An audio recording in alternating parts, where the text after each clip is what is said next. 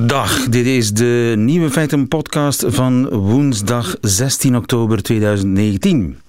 In het nieuws vandaag dat de Canadese premier Justin Trudeau ook huilende baby's in een mum van tijd kan troosten. Ook dat nog.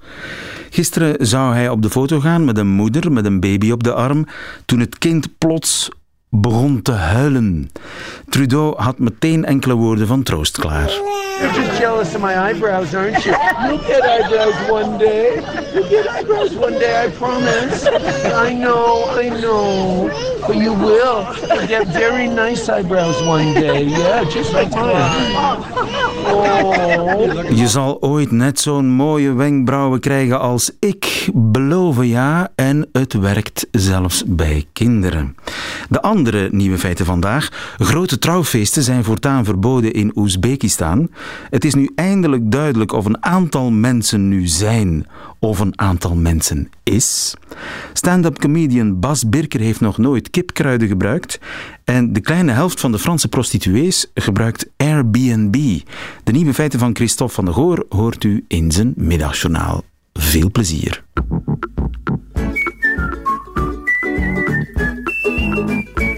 Nieuwe feiten. Groot trouwfeest, dat is voortaan verboden in Oezbekistan. Tom Venning, goedemiddag. Goedemiddag.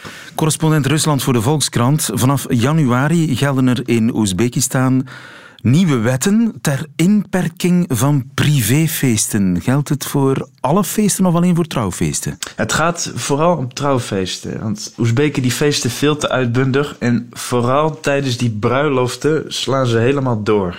En er komen dus beperkingen. Welke beperkingen komen eraan? Je mag niet meer dan 250 mensen uitnodigen. Eh, de bruiloft mag ook nog maar één dag duren. Ehm, het aantal zangers en zangeressen dat je inhuurt moet geaccordeerd worden door de autoriteiten. Het mogen er nog maar twee zijn maximaal. En het bruidspar mag ook arriveren met slechts drie auto's. Want ze arriveren altijd in een kolonne. En die kolonne mag nog maar uit drie auto's bestaan maximaal. Ja, ja. En dat zijn meestal gehuurde auto's dan? Ja, dat zijn meestal gehuurde auto's. Ja, ja, ja. grote limousines, eh, ja, prachtige auto's. Ja, maar nu, die beperkingen lijken mij niet zo stringent. 250 gasten, dat is toch al niet min. En, en twee zangers, dat lijkt mij ook nog. En één dag, ja, een trouwfeest van een dag, dat lijkt me toch ook al genoeg? Nou, in, in Oezbekistan is dat eigenlijk heel karig. Want eh, trouwfeesten vinden daar geregeld plaats met wel 500 mensen erbij. En die duren eh, minstens twee dagen. Uh, dus ja, voor, voor, voor Oezbeekse begrippen is dit een heel karig feest. Ja. Ben je zelf op zo'n feest ooit al geweest? Ja, ik ben er vorig jaar geweest. Uh, ik werd op mijn eerste dag in Oezbekistan direct uitgenodigd voor een uh, trouwerij. Ik kende het bruidspaar niet, maar dat is ook dat is niet zo gek dat je op een, op een feest komt waar je het bruidspaar niet kent. Want Oezbeken nodigen iedereen uit die ze ooit hebben ontmoet. Ehm, of die hun vader heeft ontmoet. Um, omdat ze willen voorkomen dat iemand zich uh, gepasseerd voelt. Dus uh, daarom zijn die feesten zo groot. Um, en ik, ik, ik, werd direct uitgenodigd in een trouwpaleis. Ik had al heel veel van die uh, gigantische paleizen gezien in Tashkent, in de hoofdstad. Dat viel me al op. ja, echt gouden paleizen, fonkelende paleizen, terwijl de rest van de stad helemaal niet zo rijk is. En dat blijken dus allemaal trouwpaleizen te zijn. En daar, uh, daar mocht ik aanschuiven. En dat zijn gebouwen die speciaal voor trouwfeesten uh, bedoeld zijn? Ja, ja, ja die, die staan overal in Tashkent, ook in andere steden. Um, en daar wordt een hele ja, business gerund, uh, die, waar verdiend wordt aan die traditie van die grote feesten. Ja, en dat duurt dus twee uh, dagen. En, en wat gebeurt er dan op die twee dagen? Ja. Wat doe je de hele tijd? Nou, op dag 1 worden alle mannen uitgenodigd. um, die komen dan allemaal in een uh, paleis om uh, plof te eten, pilaf. Dat is een uh, traditioneel Oezbeeks gerecht. En daar vinden er ook wat ceremonies plaats. Um, en op dat feest waar ik was waren ongeveer 400 mannen aan het eten. En dat zijn dan de mannen die niet op het feest zelf mogen komen, maar ja, die niet gepasseerd mogen worden. Dus ze krijgen wel uh, die, die, die maaltijd. Maar op dag twee mogen zij dan niet komen. Dan komen andere, andere mensen, dat zijn er dan ook weer honderden. En dan vindt echt de trouwerij zelf plaats. Uh, ook weer in een trouwpaleis. Uh, dan staat er altijd een grote groep blazers bij, uh, bij de ingang. Die blazen op een heel grote goudkleurige hoorn van wel twee meter lang. Dat maakt een gigantisch kabaal. En, en dan komt de kolonne aan met het bruidspaar. In een, de, de, vrouw in een prachtige jurk en, de man in een traditioneel pak. vaak een zilverkleurig gewaad met allerlei uh, en dan ga je naar binnen en, en binnen zitten honderden mensen. Uh, wordt, wordt de hele avond worden de optredens gegeven door zangeressen. Vaak zijn dat bekende zangeressen. en dan op een gegeven moment komt er een, ja, eigenlijk een legertje van obers de zaal binnen om, om alle honderden gasten de hele avond van, van, van maaltijden te voorzien en, en van drank. En zo gaat dat tot heel, heel laat in de nacht door. Kunnen mensen dat betalen? Nee, dat is het probleem. En dat is ook de reden waarom de regering deze wet heeft ingevoerd. Want Oezbeken die zijn vrij arm en uh, steken zich in zeer diepe schulden voor dit soort feesten. Ze verkopen soms hun huis, ze verkopen allerlei bezittingen, soms hun auto, sluiten leningen af. Dus de, de, de, schulden onder de bevolking zijn gigantisch door deze, door deze feesten. En vandaar dat de regering nu die wet heeft ingevoerd. En is er dan zo'n sociale druk? Ja, de druk is uh, gigantisch. De druk is gigantisch. Trouwen hoort bij de Oezbeekse cultuur. Het is een uh, conservatieve maatschappij. Um, en ja, ze zijn als de dood dat ze iemand niet uitnodigen die ze wel kennen en die, uh, ja, die zich gepasseerd voelt. Pikt de bevolking dit, deze nieuwe wet? Gaan ze zich schikken? Nou, ik denk dat een deel van de bevolking er eigenlijk wel blij mee is, omdat ze nu een excuus hebben om niet iedereen uit te nodigen die ze ooit ontmoet hebben. Uh, dat scheelt natuurlijk in hun portemonnee. Uh, maar er zijn ook mensen die zeggen dat die feesten juist wel door moeten gaan, zoals de mensen die daar geld aan verdienen. Uh, de zangeressen die optreden, die zijn al een campagne begonnen op, uh, op, op sociale media, waarin zij zeggen, ja, juist onze inkomsten tijdens die feesten zorgt ervoor dat we heel veel mensen kunnen onderhouden. Want als zo'n zangeres optreedt, dan neemt ze ook bodyguards mee, muzikanten, chauffeurs, en die verdienen allemaal hun brood aan zo'n trouwfeest. Dus uh, er is een bepaalde economie die zal instorten. Ja, ja, ja dat, uh, dat zit er dik in. Want er zijn ook allerlei ceremonies voor uh, het allemaal begint. Zoals de fotoshoot. Daar verdienen fotografen ontzettend veel geld aan.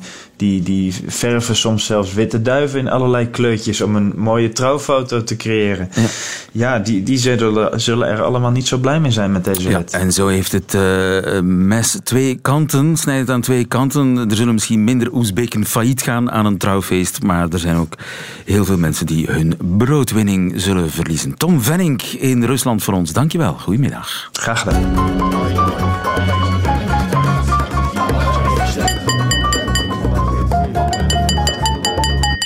Ik ben Bas Birker en ik heb nog nooit kipkruiden gebruikt.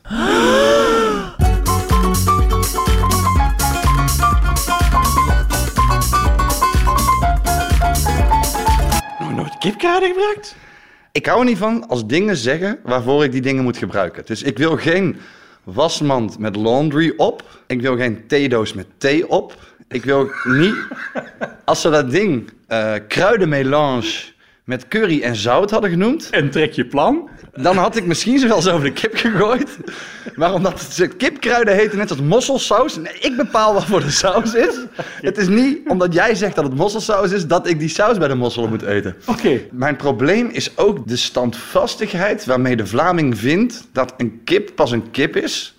als er kipkruiden op zitten. Zijn kipkruiden typisch Vlaams? Ik weet het niet. Ik heb ze in Nederland nooit gezien. Oh? Nee. Nee, er zijn wel... Van... Het wordt identitair. Dit is identitair. Kijk, ik ben natuurlijk samen met een Vlaamse. En het is uh, de tweede Vlaamse met wie ik samen ben in mijn leven. En de, uh, zowel bij de vorige als bij deze uh, was kipkruiden een ding. Nou Koen, dus nu wordt het tragischer. ik fake kipkruiden. Ik fake de kipkruiden. Ik wil geen kipkruiden erop doen. Ja, Nee, kijk, ja. wat maken kipkruiden? Als je kipkruiden op een kip doet, wat gebeurt er? De kip wordt geel. Juist, ja, juist, ja, ja, juist. ja, ja. Dus het enige wat je moet doen om kip met kipkruiden te maken, is er iets geels op gooien. Dus ik doe een beetje kurkuma bij mijn peper en zout. En dan is de kip geel. En dan gelooft iedereen, in casus mijn lief, dat er kipkruiden op de kip zitten. Dus als we hier naar de keuken gaan, dat is twee stappen achteruit. Dan het kruidenrekje.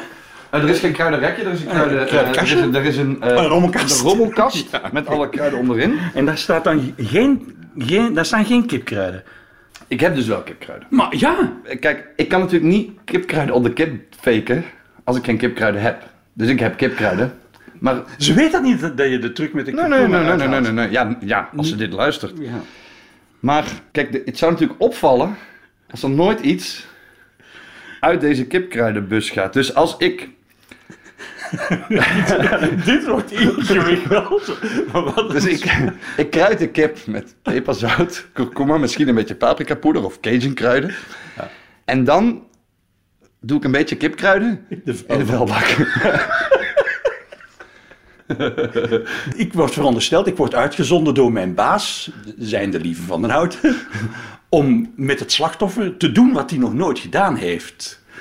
Wil je nu kip maken met echte kipkruiden, om het experiment aan te gaan en dat dan ook nog op te eten, Bas? Het is goed. Ja, En eh, misschien moeten we daar dan de helft van de kip ja een experiment van maken. Ja, daar, daar doen we gewoon dan kurkuma. Misschien heb ik nog een beetje currypoeder. Op zijn Bas Birkjes. Op zijn Bas Birkers. Ja. En dan gaan we kijken. Je gaat het nu zien, hè. Gele kip is gele kip. Doen we.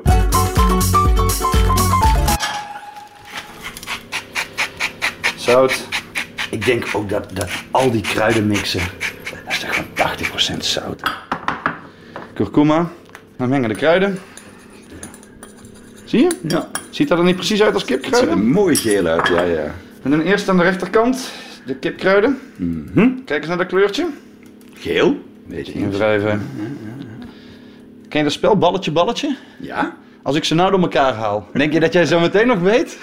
Ze zien er precies Ze hetzelfde zien er uit. precies hetzelfde Ja, uit, ja. hè? Ja, je hebt wel iets, iets meer Bas Birker kruiden gebruikt dan, dan Dat is een heel goed punt. Dus iets we- meer ja, kipkruiden ja, ja, ja, eh, dat is waar. erop gooien. Denk. Iets meer Bas Birker kruiden. Ja, maar Maar jij eet filet en dat vind ik zo grappig. Bas, wat heb jij gedaan vandaag? Kip gebakken met een man die filet heet. Hopla. dus Birker was zijn handen na, Na het koken. Ja. Goed. een beetje olie of een beetje boter. Ah, is- ik, vind het wel, ik vind het een beetje spannend nu ineens. Omdat ik heb het nog nooit naast elkaar geproefd.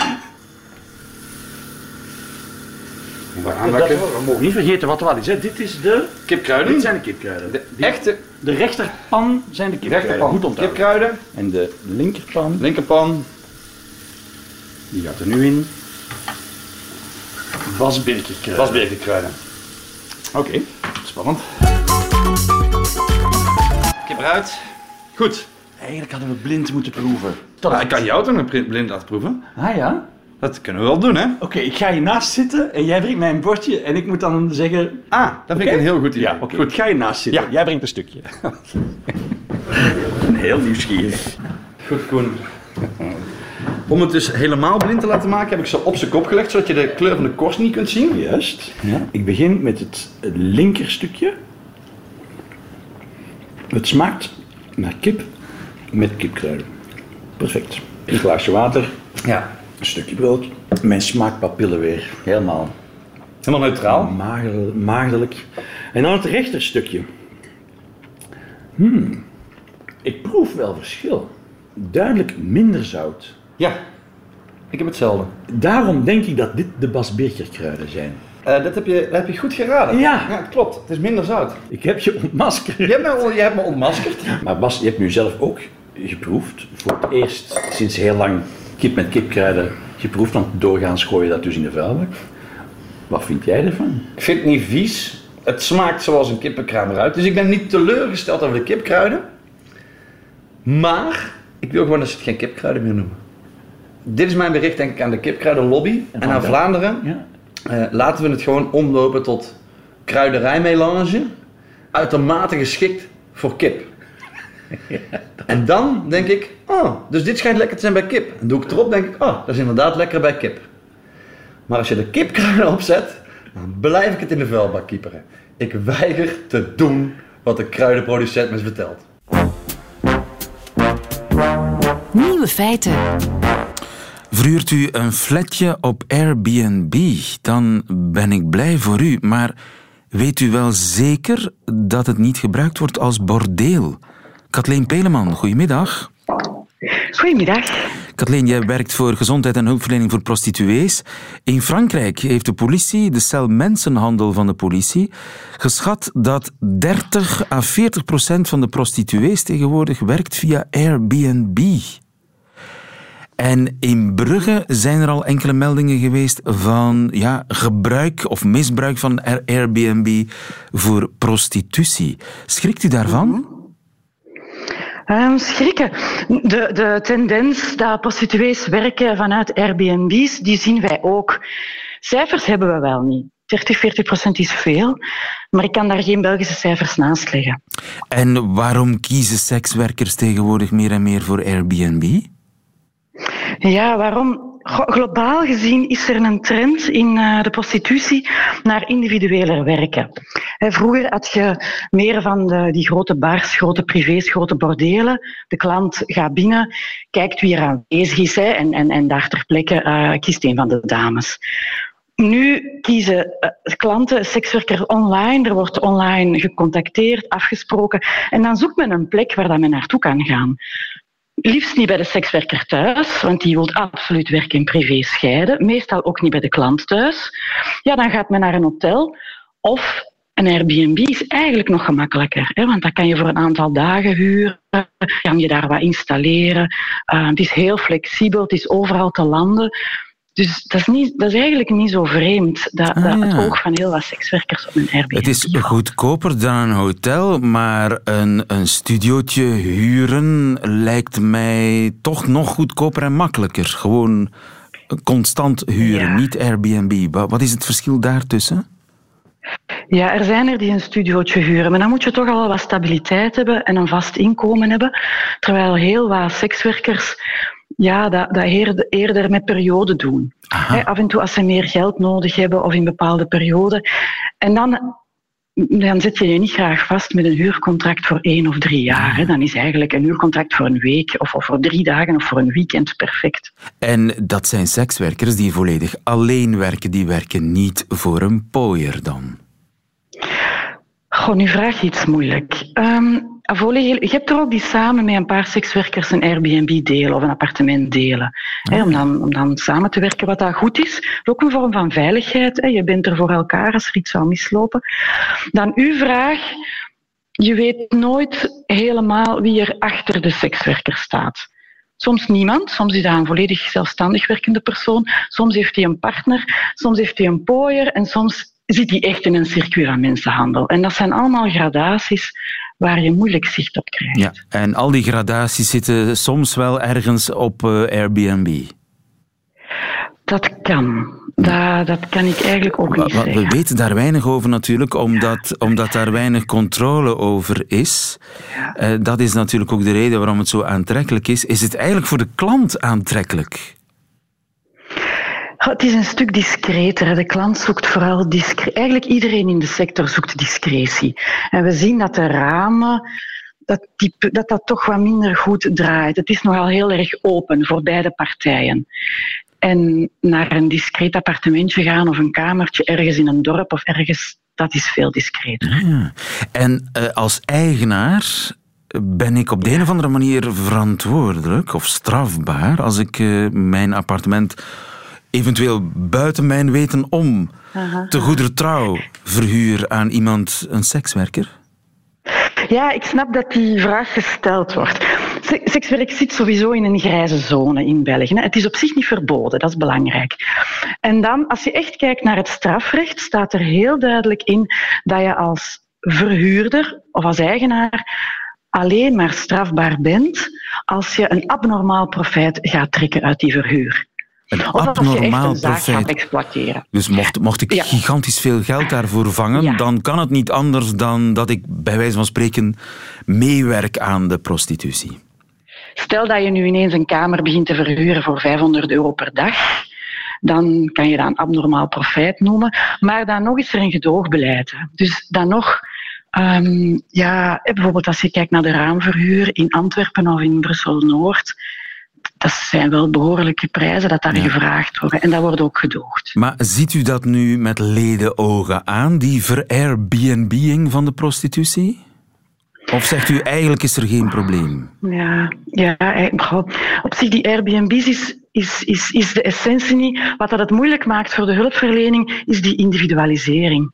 En het feit dat het eh, zo onzichtbaar wordt, mensen die op hotel afspreken, mensen die voor een week een studiootje huren of een kamer huren, zijn voor de hulpverlening heel moeilijk te vinden. Ja. Het is heel arbeidsintensief om die allemaal te gaan opbellen en om te zorgen dat de dokter daar kan langsgaan of de sociaal werker. Dus dat baart ons wel zorgen, ja. Dankjewel, Kathleen Peleman. Goedemiddag.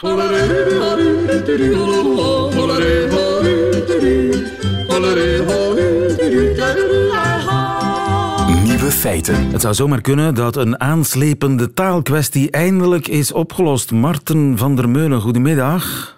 Goedemiddag.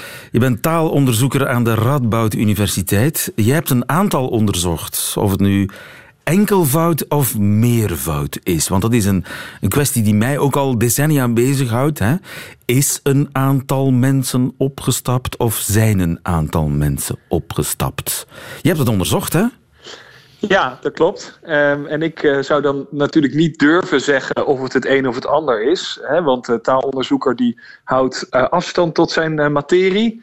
Maar wat ik wel observeer is dat het in het overgrote deel van de gevallen meervoud is. Dus een aantal mensen zijn. Een aantal mensen zijn, terwijl een aantal gewoon enkelvoud is en dat officieel grammaticaal. Ja.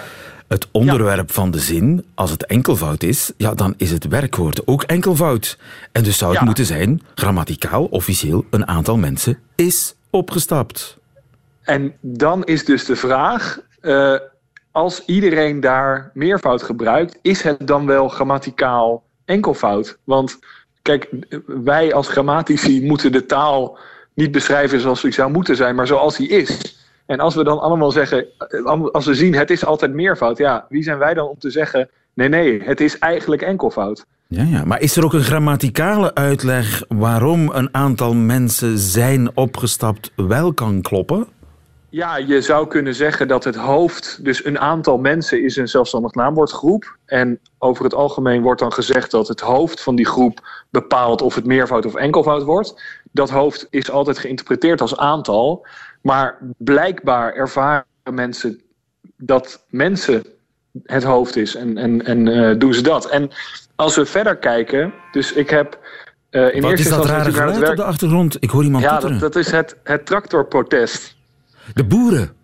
De boeren, zelfs bij mij voor de deur in Zuilen. Ja, sorry. Ik, eh, ik, ik, ik kan vragen of ze ophouden, maar. Ja, dat hebben effect anderen ook heeft. al geprobeerd, geloof ik. Ja, precies. Dus boeren- Ehm. terwijl de boeren doorgaan met hun protest. Ja, je, je had een Ja. aantal voorbeelden waarbij het grammaticaal toch een klein beetje zou kunnen kloppen. Eh, ja, nou, eh, om, om bij die boeren te blijven. eh, als je zegt een aantal boeren die hier voor de deur staan. eh, dan zie je met dat we die gebruiken en niet dat. Als je de grammatica zou gebruiken, dan zou je eigenlijk natuurlijk moeten zeggen. een aantal boeren dat hier voor de deur staat. En dat klinkt raar. Eh, Dat klinkt raar. En veel van de taaladviseurs keuren dat ook, keuren daar die ook goed. En als we nog verder kijken, eh, dan zie je dat als je bezittelijke voornaamwoorden gaat gebruiken, bijvoorbeeld bij eh, een aantal boeren is met hun tractors door de straat aan het rijden. Ja. Eigenlijk zou je moeten zeggen een aantal boeren is met zijn tractor door de straat aan het Klinkt rijden. Maar dat klinkt nog raarder. En ik, een voorbeeld uit de data die ik aan het bekijken was, waarbij dat nog duidelijker is, eh, is hier op een erf woont een aantal hoertjes met hun kinderen. Eigenlijk zou het moeten zijn een aantal hoertjes met zijn kinderen. Maar ja, dat, dat, dat klinkt echt heel gek, vind ik. Ja. Ik haal even de taalkoning van de VRT erbij, eh Martin. Dat is Ruud Hendricks. Dag Ruud. Dag. Jij zit met belangstelling te luisteren. Wat is hier aan de hand? Is hier een taalfout goed omdat ze door heel veel mensen gemaakt wordt? Eh, het, het is ook volgens mij ook geen taalfout. Eh, het- Want, aantal is toch enkelvoud? Ja, aantal is enkelvoud. Maar en hele... toch onderwerp in de zin? Mhm, dat is de hele discussie, hè? Zoals, zoals Maarten ook zegt. Wat, eigenlijk is de woordgroep onderwerp van de zin. En de discussie is, wat is het kernwoord van de woordgroep? Is dat het aantal, is dat aantal of is dat het, het, het zelfstandige naamwoord in het meervoud dat erop volgt? Nu, wat, wat Marten zegt, ik zou hem echt niet durven tegenspreken, want uh, hij komt maandag naar uh, de VRT. Ik moet hem nog onder ogen kunnen komen. Um, maar ja, er, aan de andere kant natuurlijk zie je soms wel voorbeelden waar als, vanaf het moment dat je een bijvoeglijk naamwoord voor dat aantal zet, um, dan verandert het weer. Dan kun je een groot aantal mensen is niet naar binnen gekomen. Is een buiten, groot aantal mensen is... Dan, dan, dan switcht dat eigenlijk. Dan, dan merk Omdat de nadruk meer op het aantal juist, komt juist, te liggen. Juist, dus, een groot aantal mensen is buiten gebleven. Ja, je kunt ook, je kunt ook zijn zeggen, hè? Ja. maar veel mensen zullen dat niet zo vreemd vinden dat daar een enkelvoud achter zit. Vandaar, zoals Marten terecht opmerkte, taaladviseurs zeggen al jaren dat het uh, allebei kan. Maar wat ik daaraan toe wil voegen is dat die kwestie van een aantal moet altijd dat zijn, is iets wat heel sterk in Nederland leeft. Hier heeft dat eigenlijk bijna nooit geleefd. Um, wij zeggen al veel langer een aantal mensen zijn. Wij lopen voorop. Wij lopen voorop. Maarten, daar val ik van achterover. In taalkwesties lopen de Vlamingen voorop. Het is niet, uh, het, het, verbaast me niet. En heel veel, jullie zijn uh, beter ook in taal. Dat zien we toch ieder dicté ook opnieuw weer. We, we kunnen ons uh, maar beter ja. naar jullie richten, lijkt me. Ja. En toch, bijvoorbeeld, grasmaaien op zondag is verboden. Dus een aantal mensen die zondag hun gras maaiden, kregen boete. Ook. Ja. Kan. Kan. Kregen kan. boete. Ja. Kan ook. Ja. Ik denk dat wat we, in ieder geval wat voor mij nu uh, het duidelijkste is, is dat uh, precies wat Ruud ook zegt, als er bijvoorbeeld een bijvoeglijk naamwoord bij komt, dan, dan zien we toch ook weer andere patronen.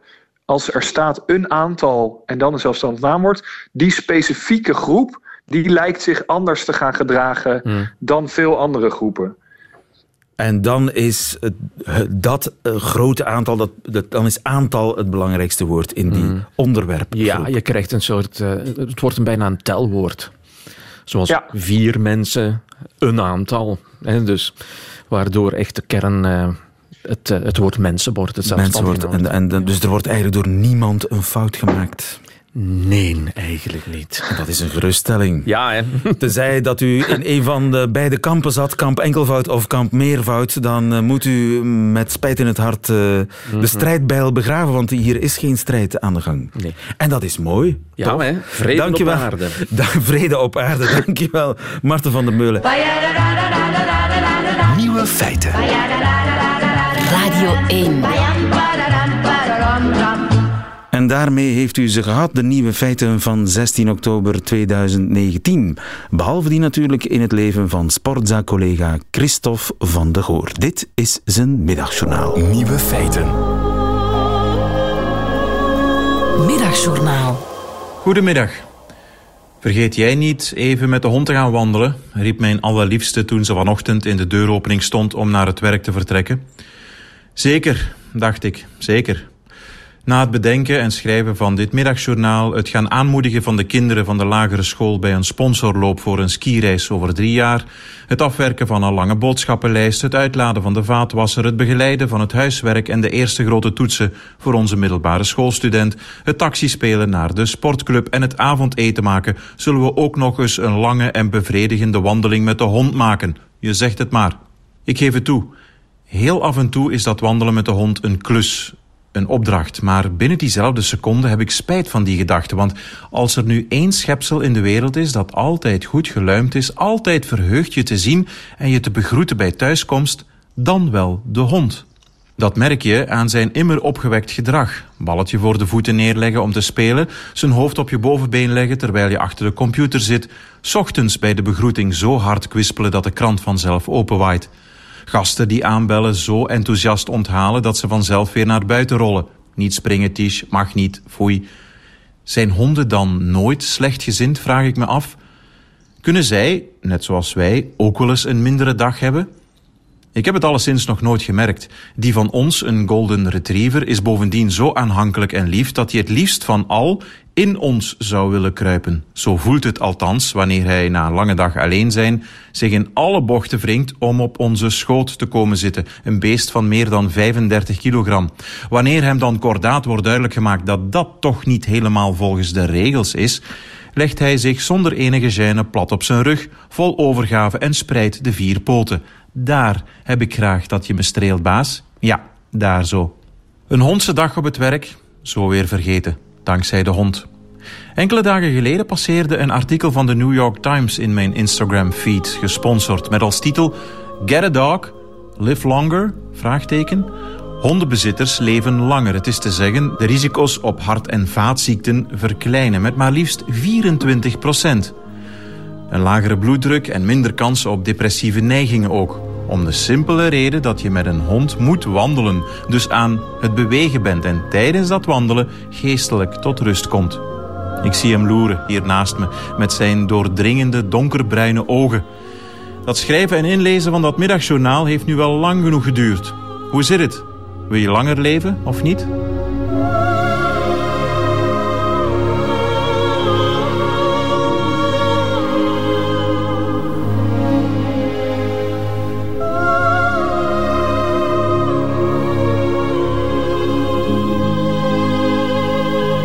Middagjournaal met Christophe van de Goor. Meteen het einde van deze podcast. Hoort u liever de volledige uitzending met muziek erbij?